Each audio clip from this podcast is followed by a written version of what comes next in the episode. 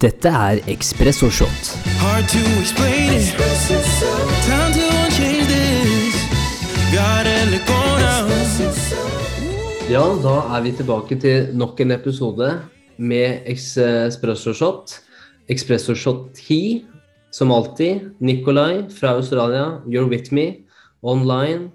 Og i dag så skal vi prate om eh, Tjommi Henrik, veldig bra navn. Eller Henrik Johannessen. Han er gründer av Tjommi. Eh, hadde en fin samtale med han før jul. Og vi snakket litt om hvordan det er å være ung og være gründer i 2022. Hvilke utfordringer samt muligheter det byr på, og Henrik sin reise så langt. Så som alltid, Nico, hyggelig å ha deg med. Det er hyggelig å være her, som alltid. Ja. Dette har jeg sett fram til, og det blir gøy å snakke om eh, Henrik Yes. med det fantastiske navnet. Med det fantastiske navnet. diskutere litt rundt hva han har gjort, og hva vi kan dra ut fra den, den intervjuet du hadde med han. Så det blir gøy. Mm. Det er jo egentlig som alltid da, det første spørsmålet jeg vil stille her. Hva er, det, hva er de første tankene som slo deg når du hørte den, eh, hørte den samtalen? Skape verdi for kunden kom egentlig litt tydelig fram for meg, Um, som en av de som, uh, grunnleggende tingene for han når han skapte Tjommi. og, em, veldig på enkel måte spare penger for kundene. em, som kanskje er liksom ja, veldig viktig da, om du skal starte med drift. er liksom å, å fokusere på hva slags verdi er det du gir til kundene dine og markedet. Så det er liksom, det, Jeg tror kanskje det er den ene tingen jeg tar ut fra det intervjuet. Ja. Mm. Hva med deg? Nei, For min del så er det veldig mye av det samme. Altså det skaper verdi. Um, en annen ting er også bare i forhold til det med altså storytelling. da, At hvis du skal selge til mennesker og liksom få mennesker med deg på den reisen da, og Det er jo, passer jo også veldig bra med den boka som, som jeg leser nå og har prøvd å bli ferdig med i en god del uker, eh, som heter 'Made to Stick'. Som, som handler om mye av det akkurat eh, det her da, med storytelling, og hva er det som gjør at mennesker blir dratt imot visse retninger, og hva er det, hvilke, hvilke historier hvordan er det du kommuniserer for å få mennesker med deg. Og mye av det Henrik snakka om er veldig sånn relevant for den boka, som vi, vi kommer tilbake til. Så for meg så var det faktisk eh, det med storytelling og det å bygge på historier som folk allerede kjenner til. Gjøre ting eh, relevant, bryte ting ned, gjøre det veldig enkelt. Så at folk skjønner da, og ikke For det de kunne gjort også med, eh, med Tjomi og, det selskapet og den appen, er jo at de kunne brukt veldig mye tid på statistikk. ikke sant? Hvor de kunne sagt ja, så og så mange kvitteringer blir glemt hvert eneste år, så og så mange mennesker. Men istedenfor så brukte hun veldig mye tid og energi på å bygge den historien rundt Tjommi som en eh, liten eh, David mot da Mm. de største elektrogigantene, som er da Goliat. ikke sant? Og hvis du ser i, i mediene også, så, så var det noe som var en historie og en rød tråd da, gjennom hele den seansen. Så, så det er noe som satte seg eh, for meg. Ja, det er jo alltid, Man liker jo alltid up-and-comeren som eh, kommer med noe nytt. Yes. Eh, man ser også litt ned på de som allerede har gjort det stort, som er litt Ja. interessant. Det er Som de slemme, slemme, store, onde ulven som kommer og eh, Ja. ødelegger for de nye. Ja. Så eh, Det var morsomt å høre egentlig hvordan han eh, tok, eh, tok liksom Norge med storm, da, kan man si. Yes. Når, eh, når han kom og kjempet mot Elgigantene, og eh, hvordan han fikk med seg Stordalen på laget til slutt. Um, så det er mange gode PR-historier inni, inni hans reise. Veldig. Og et av hovedmålene med dagens episode er at vi skal jo prate om altså på en måte, Hvis du ser for deg overskriften på dagens episode, så er jo det er gründerånd noe som skapes, eller noe som er medfødt? ikke sant? Arv eller miljø, da, og, og som det har vært en rød tråd gjennom de siste Ekspress for Shot-episodene også, har jo vært det med personlighet ikke sant? og hvordan man lærer. Og du ser jo de siste tre profilene lærer kanskje på litt forskjellig måte. Men jeg tror fellestrekket er også at man lærer gjennom praksis, man lærer gjennom arbeid. Og det var også det Henrik snakka om, at for han da så må han lære best ved å prøve og feile. Og ikke bare sitte og lese masse teori uten å faktisk anvende det i praksis. Uh, og det har jo vi snakka mange ganger før, men jeg tror hvis vi hopper liksom inn i, i, det, i det første, da, som handler om ikke sant, Fra din erfaring, da. Mye er jo drevet av personlighet. Mye er jo drevet av enten så har du en, eh, en veldig analytisk personlighet, en som liker å analysere problemer, og en som faktisk prøver å skape noe uh, ut fra ingenting. Og veldig ofte så hører vi om at ja, enten så har du det, eller så har du det ikke. Men jeg er ganske sikker på at det er noe som kan dyrkes, da, den gründerånden. Uh, men det handler veldig mye om mindset også. Ja, det, det, er helt tydelig at det er forskjellige personligheter når det kommer til gründerskap. For det er jo så mange forskjellige bedrifter. Så jeg, jeg tror på at det, det avhenger mye av hvilket felt du faktisk jobber innenfor. Altså Gründerskap er jo enormt. Det er jo alt som finnes på, på kloden her. liksom. Det er jo, altså Vi kan definere det i en boks hvis vi vil det, men um, en som starter et um, teknologiselskap, er veldig forskjellig fra en gründer som starter um, et snekkerfirma. liksom. Så det er jo lov til å ha ulike personligheter og gründerskap, og det er det som er så fint. Det er så mye frihet der til å gjøre hva du vil. Så jeg tror, um, når det kommer til det, så tror jeg det um, mye av det er um, um, skapt, og mye av det kommer um, ikke alltid naturlig. Det er lett å, å, på en måte skape den reisen selv. Men samtidig så tror jeg på andre siden at det er viktig å spille på lag med naturen. Da. Det er viktig å spille på lag med hvem du er som person de personlighetstrekkene du sitter med fra du er liten unge, og, og liksom spille på lag med de, og ikke prøve å, å, gå imot dem, for da blir reisen din veldig vanskelig og veldig hard, og kanskje også um, lett å bli utbrent. Mm. Og veldig ofte når jeg har samtaler med de som er gründere også, de som har skapt noe, uh, særlig de mer erfarne som kanskje har vært seriegründere også, er at det er kanskje noe av de første tingene de snakker om, er virkelig forstå dine egne styrker og forstå dine egne svakheter. Uh, for at når det kommer til noe, særlig med investorer òg, og hvordan få de med seg, så ser man jo basert på, på, forskningen også, og basert på de som investerer i større uh, selskaper som har klart å vokse, da, så ser man jo gang på gang at investorene investerer ikke nødvendigvis alltid i problemet de løser, uh, eller produktet de leverer, men menneskene som gjør det. ikke sant? Menneskene bak. Og jeg tror at mennesker som virkelig er bevisste på sine egne styrker, hvor er det jeg er virkelig god, sånn som Johan f.eks. Veldig god med ideer og starte i gang nye ting og virkelig kommunisere en visjon. Mens gjennomføringen etterlater han til folk som virkelig er gode på det. ikke sant? Mer operasjonelle. Mm. Og for han da, så visste jo han det ganske tidlig. Jeg tror han har spart mye tid nettopp fordi at han har skjønt at andre er flinkere på den type ting enn det han er og så effektivt kommunisert da med andre. Um, og det var jo litt det samme med, med Chomi Henrik òg, hvorfor kalle han det. Uh, for han gikk jo, gikk jo, på BI, ikke sant, økonomi der. Um, og han skjønte jo at, at det her er det jo et problem, ikke sant. Men utfordringen her er at han har ikke den tekniske kompetansen til å skape et, uh, altså en beta eller skape en MVP, skape et produkt eller en service eller et eller annet. da da trenger han andre mennesker som er gode på, gode på den delen. Mm. Um, så for meg så er liksom, det er noe med det å Er du den som klarer å forstå at det er et problem, skape en retning, men så også forstå viktigheten av å delegere til mennesker som har styrker som du selv ikke har, da. Mm. Ja, det typiske eksempelet er jo også liksom Steve Jobs og Steve Wozniak, ikke sant? Ja. Hvor uh, Steve Jobs er jo helt tydelig markedsførings- og businessbyen uh, i hele tingen. Og så kommer Steve Wozniak, som er uh, fundamentalt viktig for at Apple skal faktisk fungere i det hele tatt. Ja. Så vi har jo to helt forskjellige personligheter der som er kjempeviktig at de klarer å jobbe sammen. Og det høres ut som Jeg vet ikke om du snakket så mye om det intervjuet, gjorde du det? Um, om, om teamet hans rundt? Vi snakka litt om det. Han snakka om uh, særlig CTO-en eh, til Chomi, som ja, har liksom vært helt unik i forhold til den, den programvaren og, og, det produktet de har levert, da, den appen. Og eh, jeg tror liksom du må ha begge deler, men du må samtidig kunne ha en som kan forstå i hvert fall de tekniske eh, utfordringene da, ved de tingene du ønsker å løse, men samtidig også fra det tekniske perspektivet. Da, at du kan også forstå verdien det her leverer. da. Så, så, Derfor tror jeg det er kjempeviktig å ha begge deler. Du må ha den, den personen som Henrik som kan kommunisere. Ikke sant? Dette er der vi ønsker å være, dette er de problemene vi løser. Men også gjennomføringsevne på det tekniske. Du må også ha de som kan gjøre det. Og jeg tror også veldig i en, en startup-fase så kan man blande hype med friction. ikke sant? At uh, Hvis man er i masse medier og sånn, så blander man det med lønnsomheten til selskapet. For man blander sin egen personlighet inn i det. Nå får vi masse PR, vi gjør det veldig bra. Men du må jo også levere, ikke sant.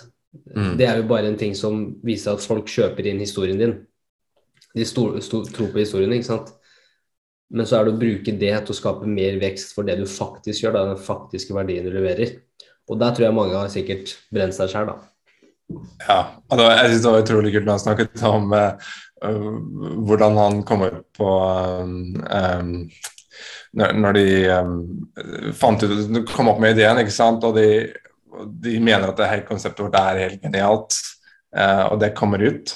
Men samtidig så sier han nå at appen som skulle liksom backe opp konseptet, var helt forferdelig.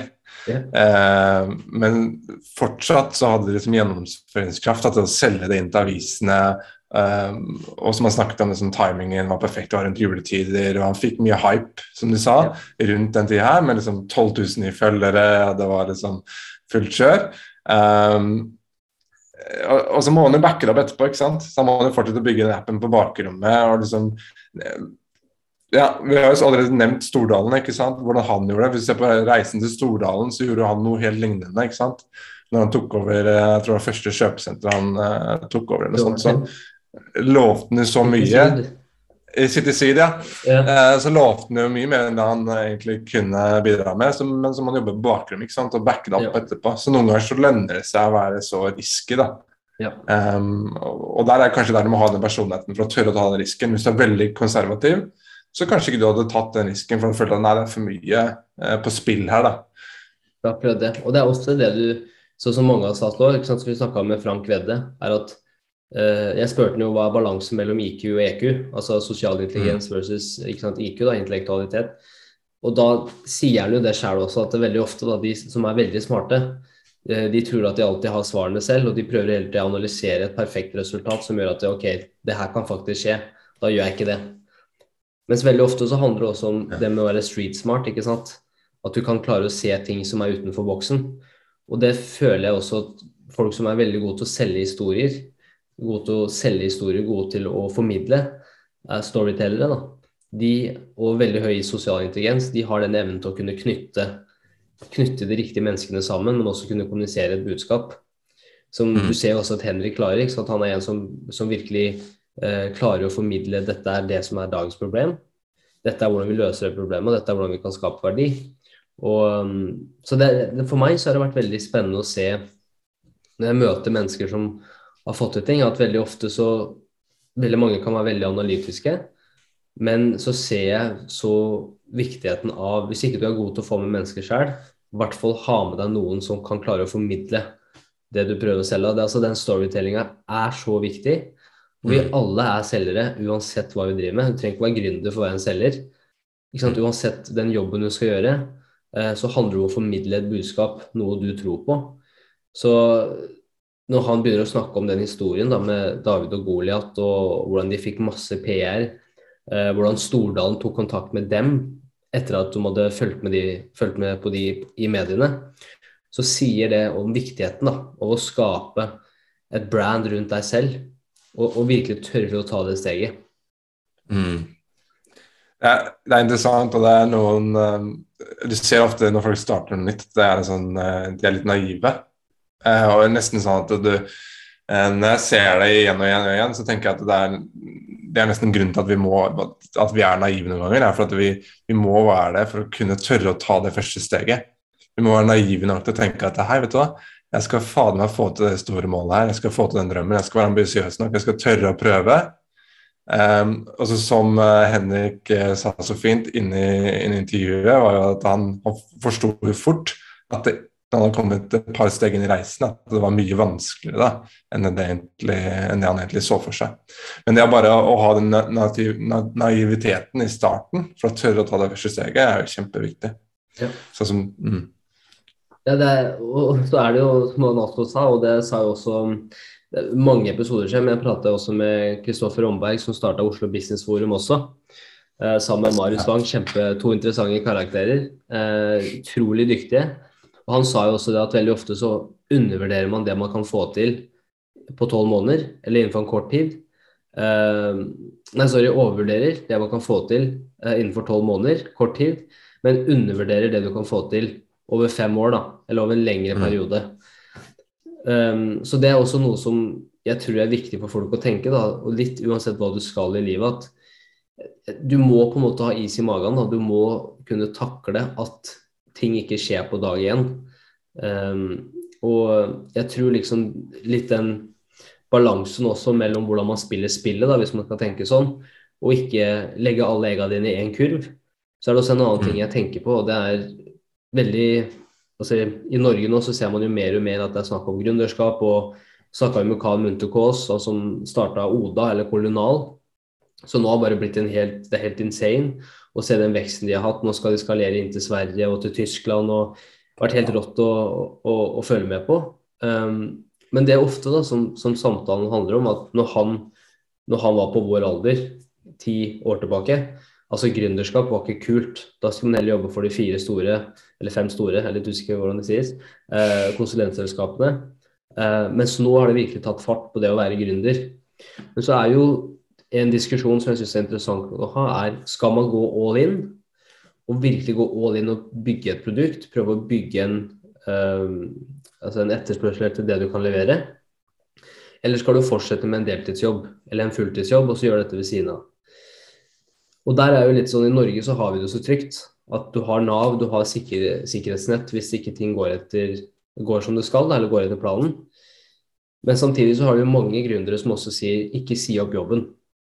Ikke si opp jobben før inntekten fra, fra hobbyen din er større enn hovedinntekten. Um, så hva tenker du om det? For jeg synes det er liksom Det må være et visst snev å, å være realistisk her òg. Forstå at regninger skal betales mm. samtidig, da. Ja, Det er et kjempegodt spørsmål. Jeg tror Det er ikke noe fasitsvar på det, men uh, vi kan diskutere det litt. For det er, det, er, veldig interessant, og det er mange som finner seg i den situasjonen. Um, jeg tror det kommer an på, an på hvor du er i livet, om du er um, 15 år, eller om du er akkurat ute av videregående, eller om du er 30-35-40 og du har familie og du har mye regninger som kommer inn. Og så kommer det selvfølgelig an på ideen din og businessen din. Hva er sannsynligheten for at du lykkes? Er det liksom høy risiko, eller er det lav risiko? Hvor, hvor ligger du an der, på en måte? Jeg tenker sånn, hvis du er hvis du er på videregående eller rett ut av videregående eller du er på universitetet, eller noe sånt, så har du jo selvfølgelig muligheten til å gå all in um, på siden av studiene. Da Da blir du kanskje ikke all in. Uh, eller kanskje rett etter studiene. Så um, jeg tror det kommer an på. Og så hvis du tenker på å gjøre det på siden av jobben, så er det selvfølgelig en tryggere måte å liksom bygge opp den side-hustlen til ja. du kommer på et nivå hvor du føler at ok, nå, nå er liksom Hva er det de sier for noe? At når side-hustlen din tar over den uh, normale inntekt, så er det liksom tid for å slutte på jobben, eller noe sånt. Um, så det er selvfølgelig en tryggere vei å gå. Jeg tror det er fullt mulig å gjøre det, men det krever jo enormt mye av det. da. Å liksom jobbe 40 timer i uka, og i tillegg jobbe 20-30-40 timer på toppen av det igjen med ja. dine prosjekter. Så man må være dedikert, men det er kanskje et av de kjennetegnene da, når vi ser på gründerskap, at hei, de fleste som får det til, de legger ned arbeidet også. Ja. Hva er dine, jeg er veldig interessert på hva dine tanker er om det, men det, det er i hvert fall det jeg tenker. Ja, nei, jeg, jeg er helt enig. og jeg tror det, for det første så tror jeg det må, det må, være noe som du genuint er interessert i.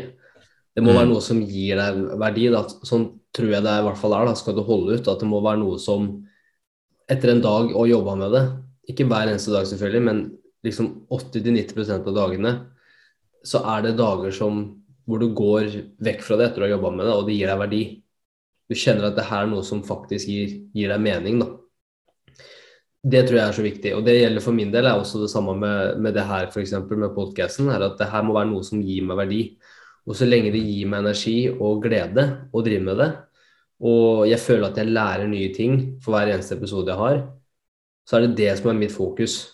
Og så lenge det er i, i fokus, så, så, merker jeg at den tida jeg investerer i det her, er tid som er bra for meg, fordi at det gjør at jeg blir mer bevisst på uh, ulike ting. Jeg blir mer bevisst på meg selv, jeg lærer nye ting. Uh, og at jeg også har mulighet til å ha samtaler, lengre samtaler uten å bli forstyrra.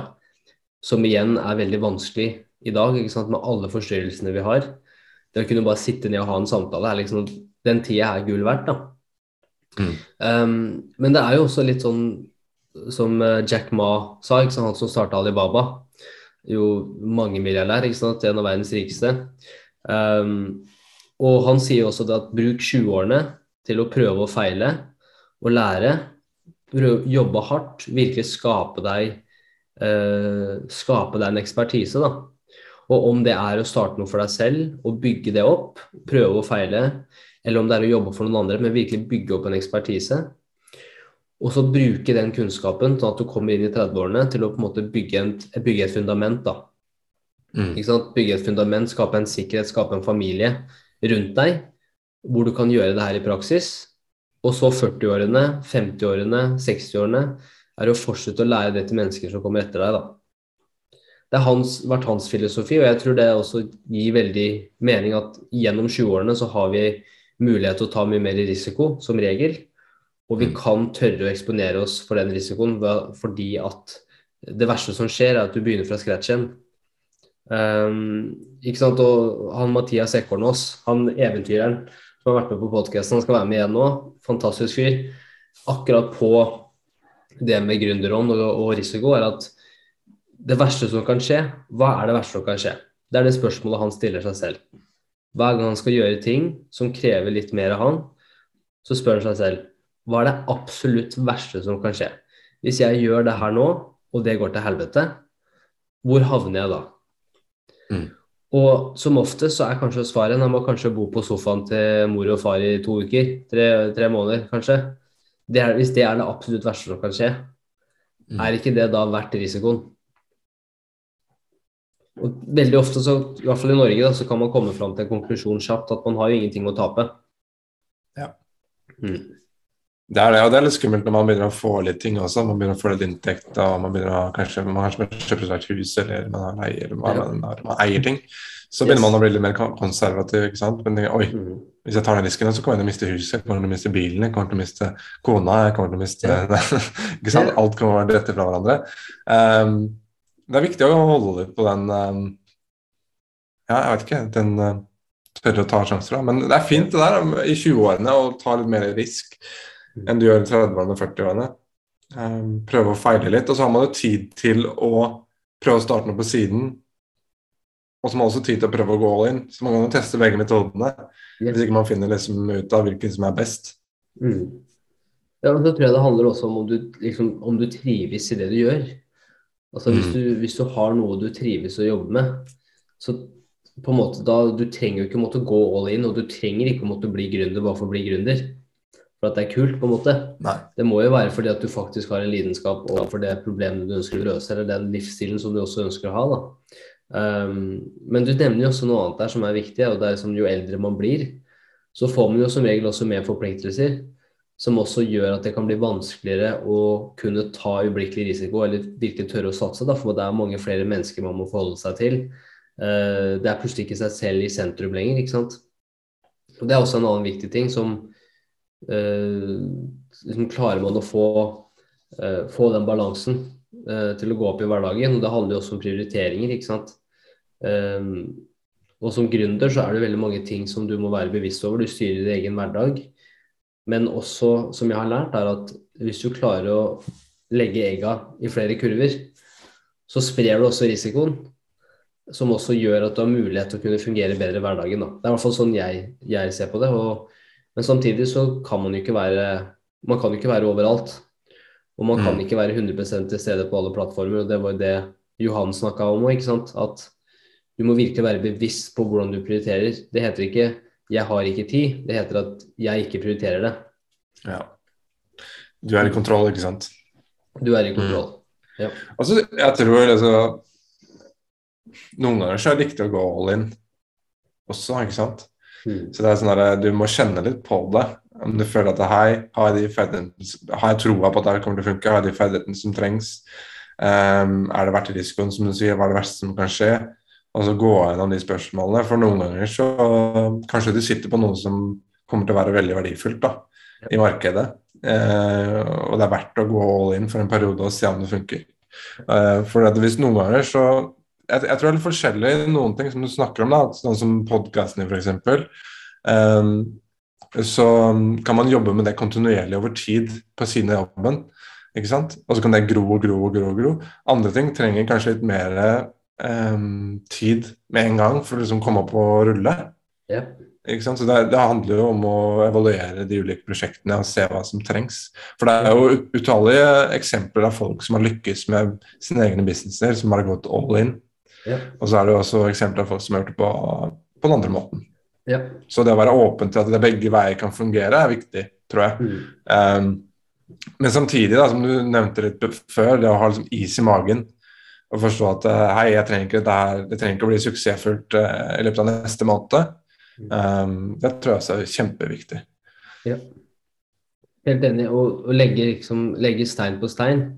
øh, og, og virkelig være god på å tenke Ikke på en måte ha en femårsplan, for at ting kommer til å endre seg så fort uansett. Ha en retning, men også uh, på en måte sette inn ulike milepæler som du skal nå innenfor visse tider. og Det tror jeg hjelper veldig. og derfor, så som, som vi ofte bruker, det er jo og noe som Google starta med, ikke sant? OKRs som er objective, key results, og så har du initiatives under. Da. Så objectives er litt mer det, det hårete målet. da. For eksempel, vi skal bli Norges beste podcast, f.eks. Eller mest, mest streamede med podcast. Noe sånt. Ikke sant? Mhm. Veldig høyt mål. Og så key results er mer spesifikke tall, da, noe som kan måles. F.eks. 140 episoder spilt inn innen 31.12. eh, 500 000 lyttere i måneden innen denne datoen osv og sånne typer mål. Og så har du initi eller, um, initiatives, da, initiativ nederst, som er ok, hvilke ting skal vi gjøre for at vi skal oppnå de resultatene. Og sånne ting funker veldig bra, for da har du den retninga. Men så bryter du ned konkrete ting som er enkelt å forstå, og du bryter ned tall. da. Så det er også en annen ting som jeg tror er veldig viktig, da, er å gjøre ting enkelt å forstå. Mm. Bryte det ned, virkelig liksom pinpointe hva er det nøyaktige vi skal oppnå. For sånne diffuse mål gjør det også vanskelig for deg også å kjenne på eierskap og motivasjon. For at det er ikke like relevant, det er ikke like lett å se for seg det målet. Og du kan ikke ta action, for du vet ikke Ikke hva du prøver å få til. Ikke sant? Så jeg tror også en annen key takeaway er jo også fra Henrik sitt intervju, er å bryte det ned. Liksom less is more. Så Mm. dum det ned. Virkelig bryt ned hva er det viktigste du må få til for at du skal få framgang. En annen ting som kanskje er viktig å legge til, er også den Pareto-regelen, men liksom ikke sant, 20% av det arbeidet du gjør, tror jeg i hvert fall, da, står for 80% av verdien. Mm. Og da er jo spørsmålet å finne de 20% som har 80% av verdien. Veldig mange snakker jo om at sant, 80% er også mer enn nok når det kommer til perfeksjon. Det trenger ikke å være et perfekt resultat. Du trenger ikke å sitte og vente på de siste 20% men at når du magefølelsen sier at det er mer enn bra nok, få det ut, da. For noe av Ja. det viktigste er den, den liksom prøve og feile. Ja, det, jo, det viser jo Henrik veldig bra. Altså, Mm. med at eh, Konseptet var jo ikke Konseptet som han sa, konseptet var genialt, men eh, appen var forferdelig. Yes. Så det er noe med å tørre å ta den sjansen når det ikke er 100 Og Det er vanskelig. Det er Så er derfor, derfor tror jeg det handler mye om personlighet i det hele, Ja. som vi snakket om. Um, og så må man jobbe med seg selv. Liksom. Det er selv, selvutvikling hele veien her i gründerskap. Og det å på en måte skape en tro, en selvtillit og en følelse på at det her, det her får jeg til, eh, det tar litt tid. da. Spesielt hvis du ikke har hatt lang tid på deg liksom, på, på å utvikle konseptet ditt eller på å forstå feltet eller sånne ting. så tar det jo tid fra å få den selvtilliten til å ta de, de større risikoene. Så selvutvikling er kanskje også ekstremt viktig. Utviklingsvis altså, er det jo også litt den balansen. Det å være ung og være gründer, og ikke Mm. ha gått reisen før. Så er det jo mange ting man lærer gjennom å feile. ikke sant? Men hvis du er en mer erfaren person, du har levd livet, så er det kanskje også lettere å gjøre de riktige valgene tidligere da, i den prosessen. Men det er litt sånn, det er jo gjennomsnittlig gründer i Norge nå, er vel 44 år, en hvit mann. Eh, så det er litt sånn ikke sant? Jeg tenker at den gründerånden trenger man også i selskaper. Den Mm. måten å tenke på, den, den måten å se etter problemer og så skape de, eller løse de. Jeg tror det trenger både selskapet, men også de som skal starte for seg selv. Eh, jeg tror flere selskaper trenger også det mindsettet, hvor man finner kollegaer og finner ansatte som faktisk ser etter problemer og virkelig løser de, da, og skaper Mm. eierskap. Eh, så jeg tror de personlighetene også er noe som kommer til å bli mer ettertrakta, fordi at eh, særlig de på en måte de, de yrkene hvor folk skal være mer selvgåelige og, og, og, og ikke være avhengig av andre. da. At det er mer autonomi i arbeidsplassen, hvor folk må tenke selv. Så tror jeg den type personlighet kommer til å være viktigere og viktigere, da. Uansett. Ja, Ja. det er sant. Og så er det, så er det fint å få Noen ganger så kommer det jo um, uh, Du ser jo eksempler på folk som eh, kommer fra helt andre industrier og kommer i en ny uh, industri, på en måte, og så bare vekker opp nye tanker og nye ideer, og så Yes. tenker på ting på en helt annen måte. For at det, selv om du er en ekspert på et område, så kan man på en måte bli låst til hva man allerede vet, og hva man tror på, og så kommer en eh, tulling fra et eh, helt annet sted og tenker Ja. her kan jeg snu på ting. Yes. Ikke sant? Så det er det jeg tenker utenfor boksen. Så jeg er helt enig. Så Mm. nei, det intervjuet her vil jeg, vil jeg anbefale alle, alle som, eh, som følger med. Jeg syns det var en utrolig interessant samtale. Og så er det alltid gøy å høre ikke sant? At man, man ser ikke så mye Man er ikke så redd. Man er uredd, og man bare gjør ting. Mm. Og det er noe som jeg tror kan være til inspirasjon for veldig mange. da, er at Ikke tenk på liksom om, om ting går dårlig, eller om ting ikke blir sånn som du har sett for deg, men bare det at du tør å prøve Mm. har så mye å si, da. Uh, og hvis folk kan legge fra seg den redselen for å feile, og vi endrer litt på hvordan vi ser på det å feile, og heller ser på det som å lære, uh, så tror jeg jaggu vi kan komme langt, jeg. Ja, det tror jeg også. Hvis du hadde klart å løse det problemet, så hadde du vært en uh, milliardær, tror jeg. Det er mange som sitter med den følelsen. Mange sitter med den følelsen. Uh, Men uh, Henrik er jo et supereksempel på noen som har tatt risikoen og lykkes, og noen som har eh, virkelig bare pusha det framover og, og fått ting til å fungere. Mm. Så ja, det er kult å høre på hans erfaringer, syns jeg. Altså. Ja.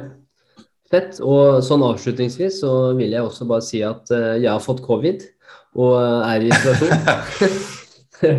Jeg bare, jeg ville bare slenge den inn der, sånn at nå har jeg fått kjent på hvordan det er å ha covid, jeg også. Så det er Den positive positiven kom jævlig raskt.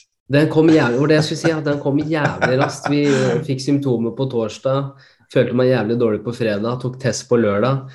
Og eh, det står jo at du må vente 15-30 minutter før du får svaret ditt. Altså, det trengte jo ikke jeg. Jeg sto der i to og et halvt sekund, og de strekene var jævlig positive. Så det var noe, det var ikke noe tvil engang. At her er det faen meg omikron, covid, salsa barbo og alt mye. Her, så her, her kommer det. Så, så jeg ville bare dele den. Nei, så da får vi ønske deg masse god bedring, da. Takk for det. Og så ses vi forhåpentligvis til neste Expresso Shot. Da skal vi faktisk eh, prate om Thomas Lund Nilsen, som jeg syns For meg da, så er det en episode som uh, står meg veldig nært, fordi at det er noe med mennesker som tør å snakke åpent om baksiden også, da, med hardt arbeid og suksess og, og det å lykkes og sånn. Og snakke liksom også hvilke utfordringer det kommer, da, hvis du ikke virkelig går inn i deg selv og du ikke stopper opp for å kjenne etter. Så vi skal snakke litt om utbrenthet og, og sånn. Um, og så snakka vi akkurat om noe framover som vi kanskje hadde lyst til å gjøre mer av, og det er også kanskje prøve å bryte ned også bøker som vi har lest, som vi har fått mye verdi ut av, som jeg tror kan bli bra. Så jeg gleder meg til å høre dine tanker og bøker du har lest framover også. Ja, det blir veldig spennende. Jeg tror vi er mange, som vi snakket om, vi har en del overlapp i forhold til de bøkene vi har lest. Så det blir bare å, å konkurrere om eh, hvilke bøker som skal komme fram på podden, tenker jeg. Så blir det blir noen spennende diskusjoner her. Amen. Og hvis det er noen, eh, noen anbefalinger fra dere som lytter, av bøker dere vil at vi skal gå gjennom og dele, så bare give us a shout. Som alltid, setter pris på at du hører på både Expresso og Expresso Shot. Og eh, hvis du liker det du hører, gjerne trykk følg, så får du mer av disse episodene rett inn i innboksen. Men eh, til neste gang, ha en eh, fin kveld, natt, dag, hvor enn du er. Og så ses vi på andre sida. Ha en fin dag. Hei.